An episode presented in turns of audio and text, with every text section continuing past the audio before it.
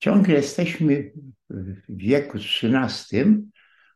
Ja może wyjaśnię, dlaczego na tym wieku się zatrzymaliśmy. Do dzisiaj, od, od początków XIX wieku, do dzisiaj ukazujące się książki, wszystkie książki dotyczące historii Rosji zaczynały się najpóźniej w VIII wieku po Chrystusie. To najpóźniej. I jakkolwiek państwo, które się nazywało Rosją, powstało dopiero w XVIII wieku, a nie w VIII, a państwo, które mogło być państwem Rosjan, zaczęło się formować właśnie w wieku XIII. Parokroć już mówiłem, że omawiając te wcześniejsze, te wcześniejsze okresy, mówiłem, że to są Rusini, że to są Rusowie.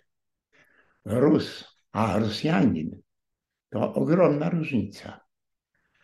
I musiałem tak mówić, ponieważ bym się spotkał z zarzutem, e, że należę do tych ludzi, którzy nie zaczynają historii od początku, omawiając jakieś zagadnienie, omawiają je nie od początku, ponieważ nasi słuchacze,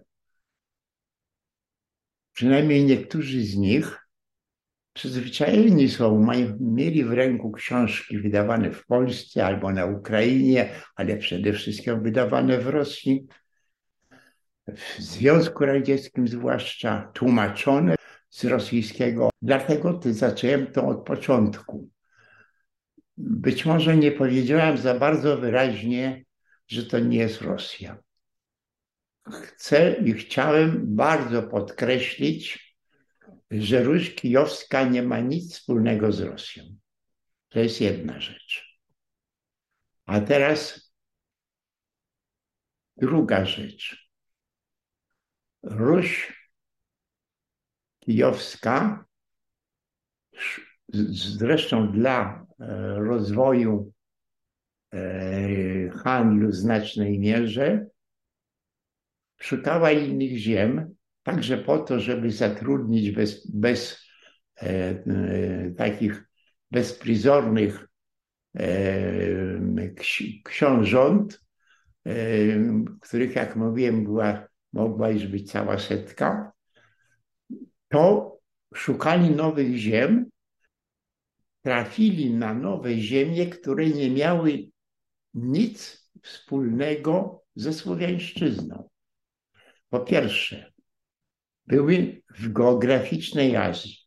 Jeżeli uważamy, że dorzecze Wołgi jest Azją, że dorzecze Wołgi, które jest dorzeczem Morza Kaspijskiego, a wszystkie brzegi Morza Kaspijskiego to są brzegi azjatyckie, a więc rzeki, które wpadają do Morza Kaspijskiego też powinny, też powinny być uznane za, e,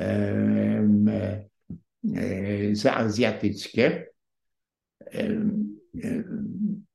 Morze Kaspijskie zbiera już azjatyckie wody, gdy, gdy Morze Czarne, przynajmniej w, w większej części e, zachodniej, na północy i na południu, e, jest e, albo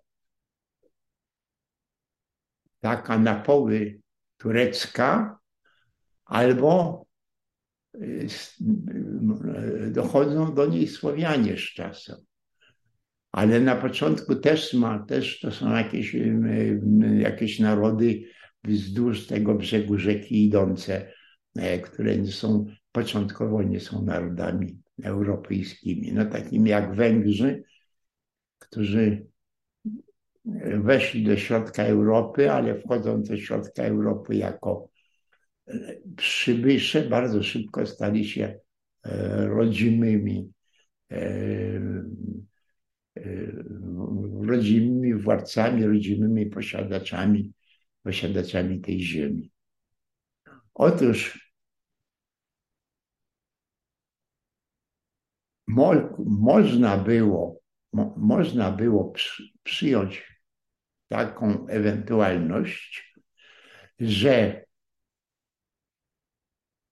grody handlowe, główne grody handlowe, e, które były na terenie Rusi, ale nie tylko kijowskiej, bo także na Rusi Połockiej, do połowy, do połowy XV wieku, tam jeszcze ta, ta, ta dynastia istniała, wymarła w połowie wieku, to były w znacznej mierze miasta handlowe. Nowogród Wielki także, Psków także, była cała grupa, e, była cała grupa miast handlowych. Do tych miast handlowych z czasem dołączył Smoleńsk położony nad, górną, nad górnym Dnieprem. I wszystko to były ziemie słowiańskie. Natomiast dalej w dorzeczu Wołgi te ziemie były zaludnione przez ludy, które przybyły jako ostatnie e, w tym obszarze, ostatnie, e, które przybyły z, z Azji, głównie z północnej Syberii, i nie były to, nie były to plemiona słowiańskie, były to, były to rozmaite plemiona, które możemy nazwać taką nazwą, która początkowo dotyczyła tylko jednego plemienia, ale z czasem stała się taką nazwą bardziej, bardziej ogólną. To były e, plemiona o charakterze albo tureckim, albo ugrofijskim albo mandżurskim i tak dalej, tymi po prostu mieszkańcami y, Syberii z powodów handlowych. Żeby dobrze docierać do odbiorców ze wschodu. To znaczy w tym konkretnym wypadku i dla, i dla Smoleńska, i dla y, Połocka, i dla E, Nowogrodu, to w tym wypadku ta droga w stronę Azji prowadziła przez Wołgę. Ta Wołga, ziemię nad Górną Wołgą i nad Górną Oś Oką zostały nazwane Zalesiem. Słowiańska Ruś kończy się nieprzebytymi morami za tymi nieprzybytymi worami, borami, e, trudnymi do przekroczenia, za tymi, e, za tymi borami mieszka już zupełnie inna rasa ludzi. Inne, inne, inne typowe azjatyckie, jeżeli Słowianie należą do trzech tych wielkich grup, które stworzyły Europę, E, grupy e, romańskiej, czyli takiej postrzymskiej, e, grupy germańskiej i grupy słowiańskiej. Te trzy grupy stworzyły Europę. A wschodni kraniec tej Europy to są wschodni Słowianie. I, I za wschodnimi Słowianami są nieprzebyte lasy, a za nieprzebytymi lasami są ludzie mówiący zupełnie innymi językami, nie związani z Europą, tylko związani z Azją. Przed rokiem tysięcznym to, to wyglądało inaczej. Od III wieku e, po Chrystusie jest tak zwany jedwabny szlak. E, w III wieku po Chrystusie jedwab wytwarzany w Chinach dociera do Europy dociera do państw europejskich. Jest to dość dalekie, zwłaszcza, że trzeba minąć po drodze e, Morze Kaspijskie. E, w tym trzecim wieku e, żyjące tam plemiona tureckie, różne plemiona tureckie, są jakby przerzutową stacją z Chin jedwabnym szlakiem do do, dodaje się to do stron tureckich, a Tur Turcy przeprawiają ten towar, ten, ten jedwab przez Morze Kaspijskie, dochodzą do Morza Czarnego i Morzem Czarnym do Konstantynopola, do Bizancjum, prawda, to jest dwie kolejne nazwy, które dotyczą tego samego miasta. Nazwa rzymska i nazwa grecka. Otóż tak jest od III wieku. I teraz na początku wieku XIII, do którego dotarliśmy, dochodzi do wydarzenia, które wydaje się w ogóle nie dotyczy Azji, przynajmniej tej odległej Azji i tej północnej Azji, a które jest związane z Chinami bezpośrednio. A mianowicie dochodzi do upadku Cesarstwa Rzymskiego. Czwarta krucjata od 200 lat blisko trwają krucjaty do Ziemi Świętej. Czwarta z kolei krucjata pada na pomysł, że po co my będziemy szli do tej Ziemi Świętej i tam musieli będziemy walczyć i ginąć, a tutaj taki świetny, świetne Bizancjum. Po prostu opanowują rycerze czwartej krucjaty e, w pierwszej dekadzie XIII e, wieku, czyli że zagadniają e, Konstantynopol. Ponieważ to są rycerze, a nie handlowcy, to ich nie interesuje handel z Chinami prowadzony za pośrednictwem Turków. O, ich interesuje wszystko inne, ale, ale nie, nie, nie interesy handlowe.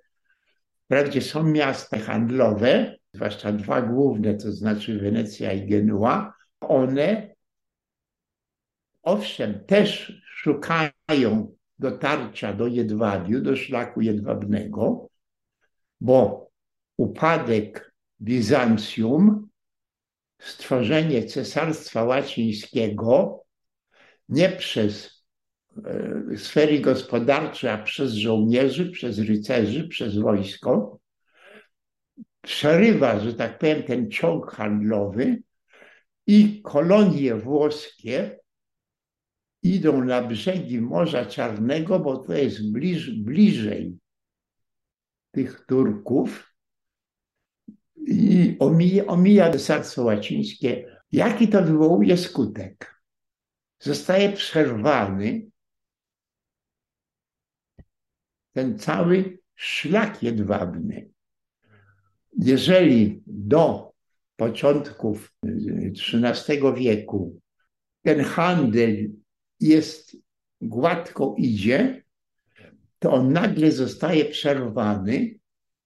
Potężne państwo, jakim są Chiny, potężna gospodarka, jaką są Chiny, wielkie podatki, które się płaci. Chiny zaczynają to tracić i to powoduje dwa skutki. Pierwszy skutek jest taki. Osłabienie Chin, powstrzymanie dopływu pieniędzy do Chin ułatwia jednemu z przywódców, no najwybitniejszemu zresztą przywódcy, który zostaje politycznym i wojskowym e, władcą e, tego państwa obejmującego z czasem Chiny, to jemu i jego następcom łatwiej jest zająć całe Chiny. Natomiast ludy, które były na północ od Chin, które tam coś dostarczali do Chin, też nie dostarczają e, jakichś obiegowych, dzisiaj powiemy pieniędzy, ale powiedzmy obiegowych wartości. I coś, coś się zaczyna wtedy robić. Wtedy plemiona z, z ziem zimnych, syberyjskich, z południowej Syberii, odciętych od reszty Azji przez pas pustyń piaszczystych, bardzo trudny do przebicia, bardziej trudny niż góry, bardziej trudny niż lasy, rzeki i tak dalej. No może oceany są trudniejsze. Otóż przez ten bardzo trudny pas te biedne plemiona nie mogą przesuwać się na południe, ale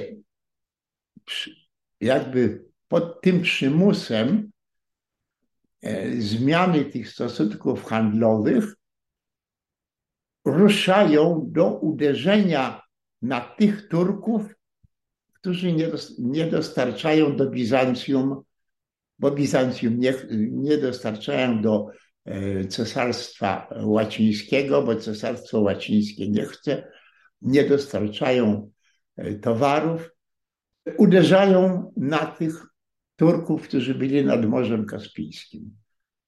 I z rozpędu te e, plemiona, które mają zresztą najwyraźniejszy wyż demograficzny, e,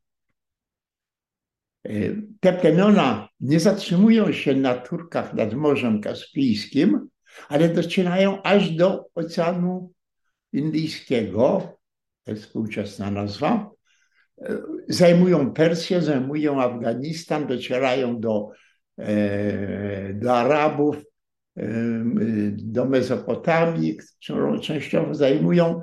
Po prostu następuje e, czasowa taka, takie wielkie uderzenie, które obejmuje także częściowo Półwysep Małoazjatycki, czyli obecną Turcję, wschodnią jej część, e, który także prowadzi do jakichś takich e, wypraw w stronę e, Ziemi Świętej. Ta Ziemia Święta to jest Królestwo Jerozolimskie. Ona jakoś tam egzystuje, ale jest to dość,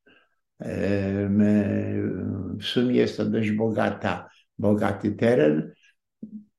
Ci, ci z północy ruszają, po jakimś czasie tracą swój impet. Tutaj mamy te, te połączenia z Europą, e, o których mówiliśmy wcześniej. Tak na przykład pierwsza wyprawa Mongołów na ziemię dzisiaj południowo-ukraińskie, o której mówiliśmy, gdzie Mongołowie i, i Tatarzy rozbili sześciu, czy nawet w sumie więcej wojska książąt, książąt ruskich, to te ludy szły tam okrężną drogą. E, ponieważ ten pierwszy rzut, pierwszy rzut to jest rzut na południe, na wschód od Morza Kaspijskiego. I oni idą mniej, mniej czy bliżej Morza Kaspijskiego w kierunku Afganistanu, Persji, e, ale także na w kierunku Bliskiego Wschodu, Syrii, tam po prostu e, ta fala e, mongolska dochodzi. Jedna z grup tych mongolskich, która od południa obeszła Morze Kaspijskie, to znaczy dosz, dotarła do północnej Turcji. I z północnej Turcji przez Kaukaz dotarła na Morze Kaspijskie, to jest, to jej czołówka to jest ta grupa, o której mówiliśmy, pierwsze starcie 1223, to pierwsze zwycięstwo jest Mongołów. Ale oni przyszli i przekonali się, że inne plemiona mongolskie, aż po Węgrów, Węgrów nad Dunajem, brzegiem, e, brzegiem Morza Azowskiego, potem brzegiem Morza Czarnego, potem wzdłuż Dunaju wchodzi się na Nizinę Węgierską. Węgrzy są bezpośrednio związani z tym pasmem stepów od Węgier, od jeziora Balaton zaczynają się stopy i te stepy ciągną się na wschód i docierają do gór Altaju. To znaczy ciągną się przez Europę i ciągną się przez połowę Azji. Zresztą zaraz za Altajem ciągną się dalej, aż do Mandżurii. I to, e, I to nie tylko Mandżurii tej bardziej zachodniej, ale Mandżurii wschodniej nad, e, e, nad morzem, dzisiaj zresztą okolice Władywostoka, które jest w państwie Federacji Rosyjskiej. Otóż ten ten ruch e, gwałtowny, e, który został wywołany e, przez czynniki, które bezpośrednio nie dotyczyły Azji, tej dalekiej Azji, ale objęły daleką Azję. Ten ruch, kiedy państwo, które jest kluczowym elementem w dostarczaniu towarów z Indii do Europy, to państwo nagle przestaje istnieć, na tym jego miejsce powstaje inne państwo, które jest w małym stopniu zainteresowane handlem międzynarodowym, powoduje to przerwę, e, przerwę w ruchu towarów, wywołuje uderzenie e, plemion, które wolały żyć w tych chłodniejszych krajach, ale poszły do krajów cieplejszych, ponieważ na tej decyzji zostały utracone. Jeśli przed chwilą mówiliśmy o bitwie nad, nad, nad rzeką Kałką, to znaczy o tej pierwszej przegranej Rusi Kijowskiej, to przypomnijmy także, że ci najeźdźcy mongolsko-tatarscy, którzy się tam pojawili, przyszli w bardzo specjalnym celu. A mianowicie przyszli, na, przyszli po to, żeby trafić na Krym i na Krymie pomóc handel kupców weneckich, a wymordować kupców genueńskich. Jeżeli tam były, jeżeli tam były przedtem miasta weneckie i miasta genueńskie, to E, oni przyszli po to, żeby konkurentów genueńskich zlikwidować i zlikwidowali. I w momencie, kiedy już tą sprawę załatwili i wracali na wschód do siebie, to nagle zaczęły ich gonić wojska e, ruskie. Więc oni się zatrzymali, pokonali ruskich książąt, przy okazji się dowiedzieli, że dalej to są jakieś Węgry, które są, mówią tym samym językiem co oni, ale dowiedzieli się także, do czego się historiografia rosyjska nie chce przyznać. Dowiedzieli się także, że na Zalesiu, na tym Zalesiu, które nie jest słowiańskie, to żyją ludy niesłowiańskie. I dlatego w 1237 roku Batu Han ruszył na Ruś. Jedno miasto wielkie zdobył w grudniu, w następnych trzech miesiącach zdobył całą Ruś e, Zaleską. To zdobył dlatego, ponieważ wiedzieli, że to są tereny zamieszkałe przez ich pobratymców, zamieszkałe przez ludy pochodzące z Azji. Jeżeli się chce tworzyć państwo, które obejmuje te ludy azjatyckie, to oczywiście trzeba także iść tam i, i łączyć. Chodząc na Ruś Zaleską, wkraczają w pełnym składzie i ten pełny skład jest 30 tysięcy żołnierzy, to wystarcza, ale to jest duża grupa ludzi, którzy mają stworzyć nowe państwo w tym czasie. To ta historiografia, która jest e, ciągle pod wpływem literatury rosyjskiej XIX, XX, XXI wiecznej, a, a ona jest jakby robiona e, z szacunkiem dla cesarstwa rosyjskiego i z posłuchem do carów. Historia Rusi carskiej jest dopasowana e, do żądań carów, a historia Rusi sowieckiej jest nie tylko dopasowana, ale jest wymuszona przez Stalina. To nie są historiografie, które powstały, e, gdzie czynnikiem głównym były, było, była chęć badań naukowych. E, to były badania, które miały dowodzić, że ta Ruś Katarzyny II, Katarzyny Wielkiej i ta Ruś e, cara Aleksandra to były od tysiącleci niemalże, e, miały historię tysiącletnią i zawsze były mocarstwem. Ta e, historiografia rosyjska i historiografia sowiecka, a współcześnie to e, także częściowo pisana przez Rusoazjatów. Rusoazjatów, którzy uważają, że Rosjanie i plemiona azjackie to jest właściwie jeden wielki naród e, i dlatego ten jeden wielki naród e, powinien z czasem.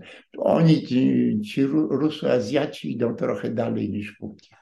Putin szuka wielkiego państwa ruskiego, a oni szukają wielkiego państwa rusko-azjatyckiego. W każdym razie jest to, jest to historia wymuszona. I dlatego najazd, o którym mówiliśmy wcześniej, przed dwoma tygodniami, najazd e, e, Batuchana nie jest tylko najazdem wojskowym.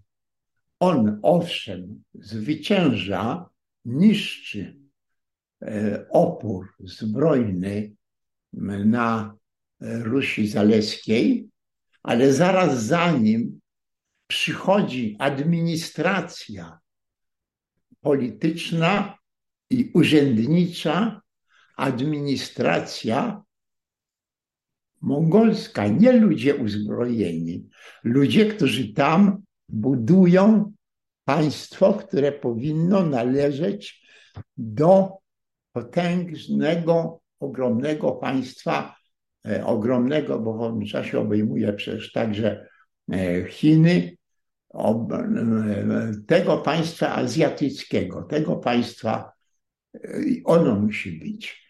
I co więcej, jeżeli, tak jak mówiliśmy, jeżeli Batuhan z wojskiem zajmuje Ruś i chce iść na Węgry, ale ponieważ nie ma dostatecznie silnego wojska, to musi wrócić do Kipczaku, do tej głównej siedziby e, e,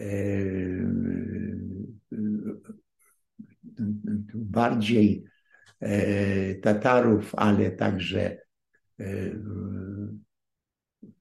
tych wszystkich azjatyckich plemion, a mianowicie do tak zwanego Kipczaku. To są ziemie między Wołgą a Donem, y, musi tam iść. Tam są jakieś bunty, które trzeba uspokoić, a poza tym trzeba tam po prostu odbudować siłę zbrojną. I potem z powrotem wraca, ale nie musi już zajmować Rusi Zaleskiej. Nie musi zajmować Rusi Zaleskiej, bo na Rusi Zaleskiej jest już administracja ich mongolska, mongolska turecka, y, tatarska. A co więcej, ona już zdążyła dokonać poboru mężczyzn. Jeszcze ten pobór mężczyzn nie ma takich ścisłych reguł, jak ma wreszcie e, Rusi, ale już ma duże i między innymi nie stanowią oni większości, stanowią cząstkę tylko, ale z tymi wojskami, gdzie, gdzie Batuhan przychodzi po wojnie, to po prostu przechodzi przez tereny, które mają już mongolską administrację, czy tatarską, jak chcemy to nazwać administracją, i przechodzi przez tereny, gdzie już czekają na niego rekruci na tych ziemiach pobrani. I ta silniejsza armia, znacznie silniejsza niż za pierwszym razem, doprowadza do klęski Polski w tym samym czasie z różnicą e, trzech czy, czy, czy kilku dni. E, są dwie bitwy, jedna pod Legnicą, druga nad, e, na, na stepach węgierskich, gdzie, gdzie przegrywają to i Węgrzy, i przegrywają to Polacy. Ale dla Batuchana to nie jest podróż z nad Dolnej Wołgi do, e, do Polski, do Węgier, tylko jest to podróż z Rusi Zaleskiej, bo on przychodzi do Rusi Zaleskiej, bada, ogląda, ocenia, co już na tej Rusi Zaleskiej udało się zrobić, wchłania powołanych, powołanych do, do, do, woj, do wojska. E, e, była taka norma, że właściwie każdy, e, każdy człowiek, nie, każdy mężczyzna nieżonaty, ewentualnie mężczyzna żonaty, ale w rodzinie trzech męż, mężczyzn żonatych, musi zostać oddany do dyspozycji wojska a wojsko go ocenia i albo wprowadza w szeregi wojska, albo go sprzedaje jako niewolnika. Nawiasem mówiąc, sprzedaje go Wenecjanom jako niewolnika, Wenecjanom na Krymie, a Wenecjanie na Krymie sprzedają go Egipcjanom nad Nilem jako też, jak, jako, też jako, jako niewolników, zresztą ci niewolnicy, jak się e, w, Egipcie z czasem zbuntowali, to, to akurat oni przejęli, to przejęli tam władzę. E, przewrót, przewrót absolutny. Otóż ta część cywilna, że nie trzeba po raz drugi zdobywać Zalesia, to ta część cywilna jest w historiografii prawie że niewidoczna. To nie znaczy, że jej całkiem nie ma. Ona jest. Coś się pojawia, ale się taką by słabo rozwija. Y, umieszcza się te informacje, że to właściwie wcześniej powstało, umieszcza się je trochę w późniejszym czasie. Nie, nie można zarzucić, że to zostało ukryte, że, że po pierwszym, pierwszym zdobyciu Zalesia e, przejęła ta administracja cywilna i już na parę, na 200 lat, na 240 lat dokładnie e, e, to Zalesie było pod władzą mongolską, tatarską głównie. I teraz to są wszystko kwestie, które pokazują, e, dlaczego tak ważny, tak ważne jest to stulecie. Gdyby historia się potoczyła inaczej, gdyby krzyżowcy nie zdobyli Bizancjum, Konstantynopola, e, gdyby Mongołowie ruszyli później, na przykład Po opanowaniu całych Chin potem wyruszyli na zachód. Gdyby ta historia się potoczyła inaczej, to prawdopodobnie Zalesie stałoby się słowiańskie. Stałoby się słowiańskie, ponieważ napływ ludności słowiańskiej był tam znaczny. Przybycie Mongołów i Tatarów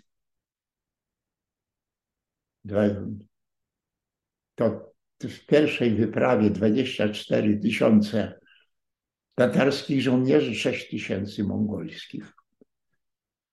To wcale nie jest taka wielka, jak nowe czasy, wielka liczba, ale wystarczająco duża. E, za drugim razem e, tych wojsk było dużo więcej. E, otóż parę razy więcej, trzy razy więcej. Otóż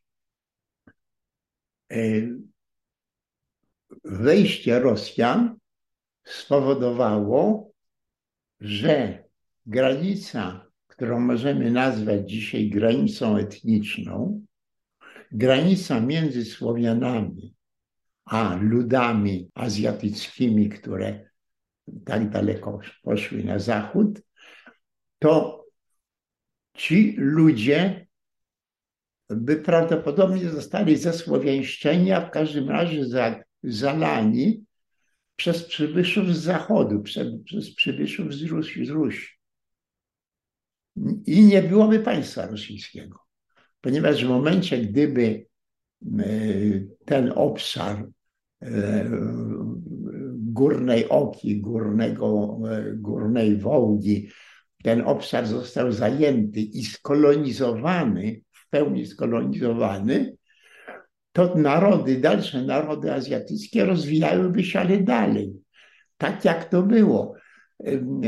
Dalsze narody azjatyckie żyjące nad, e, żyjące nad Wołgą, e, nad Kamą, północnym dopływ Wołgi, e, żyjące w Kipczaku, czyli między Wołgą a Donem, żyjące w zachodniej Syberii, północno-zachodniej, południowo-zachodniej Syberii, po Ob, po Irtysz, głęboko w Azję, to te wszystkie narody się w niczym prawie nie, nie wpłynęły na to, że taka, tak pobiegła historia późniejszej Rosji. One same się rozwijały, ponieważ były oddzielone jeszcze, jeszcze na, na, na terenie Górnej Wołgi, były rozdzielone przez ziemię nieurodzajne, bagniste, na wysokości dzisiejszego okazania, kiedy Wołga płynąca na wschód zakręca gwałtownie na południe, to na tym terenie dzisiejszego kazania mieszkały, mieszkali jeszcze Bułgarzy, ale Bułgarzy nad, y, y, nie z Bułgarii, tylko Bułgarzy azjatyccy. Bułgarzy właśnie nad, z, nad, z nadwołgi. Natomiast oddzieleni byli dzikim absolutnie ludów, ludem Mordwinów od Zalesia. I wcale nie chcieli iść do Zalesia. I gdyby to Zalesie nie zostało zajęte i gdyby to Zalesie nie zostało poddane szczególnej, e, szczególnej praktyce, to po prostu e, po pierwsze prawdopodobnie przetrwałaby na, na dłuższy okres czasu Ruś Kijowska, to po pierwsze. A po drugie, samo Zalesie znalazłoby się w składzie Rusi Kijowskiej, ponieważ ono stałoby się słowiańskie. Ponieważ by się stało słowiańskie, ponieważ ta miejscowa ludność albo by uległa, e, e, przekształciła się w Słowian, o czym za chwilkę, bo, bo było to łatwe, albo by uciekła stamtąd. I, e, I po prostu nie byłoby, nie byłoby Rosji, nie byłoby żadnej historii rosyjskiej. Natomiast Turcy, natomiast tat, e, Tatarzy, e, którzy tam weszli, nie dopuścili do tego, przyłączyli to do wielkiego imperium mongolsko, mongolsko-tatarskiego. I jeszcze jedno. Władztwo tatarsko-kałmuckie nad Zalesiem było bardzo mocno, było, było silne, mocne, e, uciekające do drastycznych e, posunięć, krwawo każdą próbę buntu krwawo, że tak powiem, e, rozstrzygali i tak dalej nie ruszyło cerkwi. Cerkiew nie została obłożona podatkiem, cała ludność została obłożona podatkiem, cerkiew nie. Do cerkwi w ogóle ci najeźdźcy ze wschodu w ogóle do tej cerkwi nie, nic jej nie narzucali. Ta cerkiew prowadziła swoją pracę cerkiewną. Nie była przeciwtatarska z bardzo prostej przyczyny. Jeżeli nic od nas nie żądają, dlaczego mamy patrzeć na nich krzywo? Cerkiew nie jest sprzeczna w stosunku do tych ludów, tych, tych którzy okupują e, Ruś E, e, późniejszą, późniejszą Ruś Moskiewską, ale w owym czasie jeszcze Zalesie, to ta miejscowa ludność uczy się języka słowiańskiego, wprawdzie nie ruskiego, tylko bardziej bułgarskiego, z Bułgarii tej, która dzisiaj, dzisiaj też się nazywa Bułgarią, z tej Bułgarii na Bałkanach, dlatego że, że Kościół e, prawosławny na Rusi posługuje się tamtym językiem jako język cerkiewny.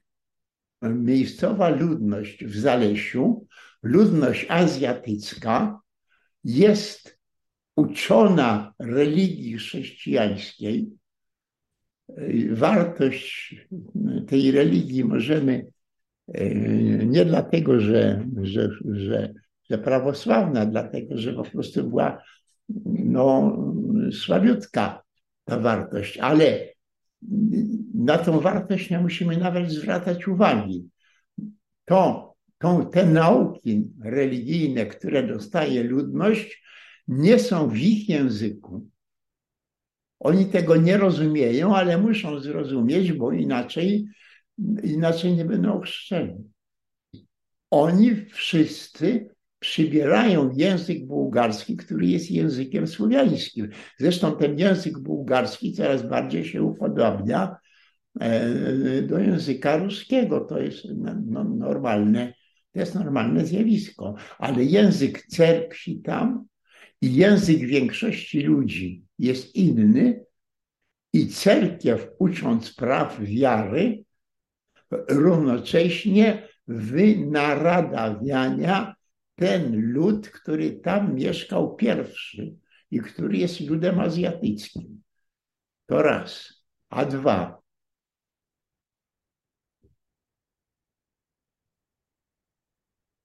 Okupacja jest straszliwa.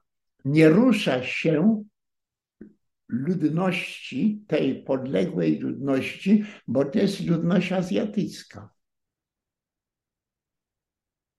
Tatarzy, Kałmucy, którzy tutaj przychodzą, e, nie niszczą własnych ludzi, niszczą Europejczyków, mordują, Euro, mordują tych, którzy są napływową warstwą słowiańską. Prawdopodobnie e, w momencie, kiedy Batuhan wkroczył na teren Zalesia, prawdopodobnie ludzie języka słowiańskiego stanowili mniej niż 10%. I te 10% jest mordowane. Część tych mordowanych ucieka.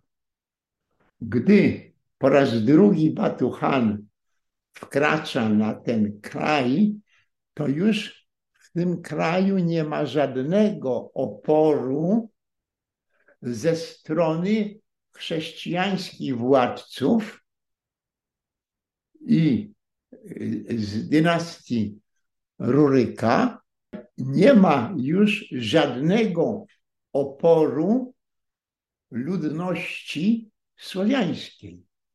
Przede wszystkim dlatego, że ona została albo wymordowana, albo uciekła. I dlatego tak łatwo między w ciągu tych dwóch, dwóch mniej więcej lat, między tym, tymi dwoma wyprawami Batuhana, tak łatwo administracyjnie opanowali to wszystko.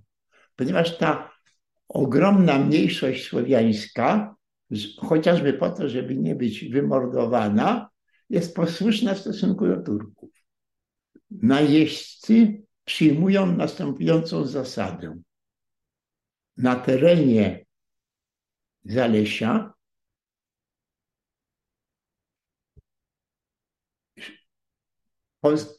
pozostawimy tak długo spokojnie ludność słowiańską, tą część, ta, ale ta ludność słowiańska to są wyższe warstwy społeczne. Zostawimy te wyższe warstwy społeczne tak długo, jak długo będą posłuszni. I oni są bardzo posłuszni.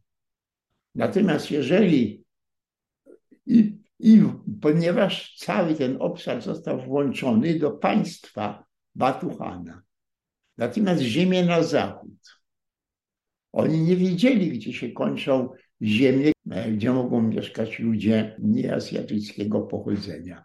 Stąd też już w pierwszej wyprawie Batuhana e, to on po zajęciu e, Zalesia idzie w kierunku Nowogrodu i przestaje iść do Nowogrodu, bo, bo, bo idzie przez ziemię słowiańskie. Gdyby Nowogród był niesłowiański, to, to by do tego Nowogrodu doszedł. Natomiast jego celem są przede wszystkim Węgry, ale żeby dojść do Węgier, to on nie może iść przez Nowogród, on musi iść przez Kijów. I stąd ziemie słowiańskie na zachód od Zalesia, to te ziemie słowiańskie zostają oddane daleko idącemu wymordowaniu, ponieważ tam prawie wszyscy nie są Azjatami. Jeżeli godzi się, żeby zostały miasta, gdzie rządzą słowiańscy książęta, no bo Rurykowicze są już słowiańskimi, słowiańską arystokracją, to jeżeli się godzi, żeby oni byli, oddzielnie będziemy mówili, dlaczego się godzi, ale godzi się, żeby oni byli e, władcami księstw i niejako urzędnikami e, e, najeźdźców. To na nich się godzi ale nie godzi się na nich w Kijowie, na w Kijowie wymordowuje prawie całą ludność. Nie godzi się w licznych innych miastach. Dochodzi do takiej sytuacji, że południowa część Rusi Kijowskiej zostaje w poważnej mierze wyludniona w następstwie represji, morderstw, morderstw masowych e, dokonywanych przez najeźdźców, przez Tatarów. W pewnym momencie oni przestają, bo już chcą się szybciej przejść, przejść do Węgier, ale, ale zostaje w mocnym stopniu wymordowana, ale w jeszcze większym stopniu ucieka z tych ziem na, w kierunku e, Rusi Wołyńskiej, w kierunku Rusi Halickiej ucieka. a nawet jeszcze dalej, ucieka na Węgry, ucieka także na ziemię, e, na ziemię polskie. Jeszcze bardziej uciekają z Rusi Halickiej, bo uciekają na południe do ziem zamieszkałych przez no już zupełnie inne, inne grupy ludności, uciekają na Węgry, stąd znajdują się mocno w dużej ilości w węgierskim Siedmiogrodzie i tak dalej. Zresztą e, w tym węgierskim Siedmiogrodzie, kiedyś w węgierskim Siedmiogrodzie, e, ludność e, ta, która uciekła, żyje do dzisiaj. To jest tło generalne, jak się, dlaczego to wszystko przybiera taką postawę katastrofalną, dlaczego jedna katastrofa pociąga drugą katastrofę, dlaczego upadek e, Bizancjum pociąga jakąś katastrofę, upadek Zalesia pociąga, upadek Kijowa pociąga, upadek Halicza, e, upadek e, Budy. Wszystko to są europejskie klęski. Jest to cały ciąg europejskich klęsk. Te europejskie klęski doprowadziły do tego, że historia nie zaczęła iść w kierunku zachodu, historia nie zaczęła iść w kierunku słowiańskim, tylko historia zaczęła iść w kierunku wschodnim, nie słowiańskim. I to na dzisiaj dość.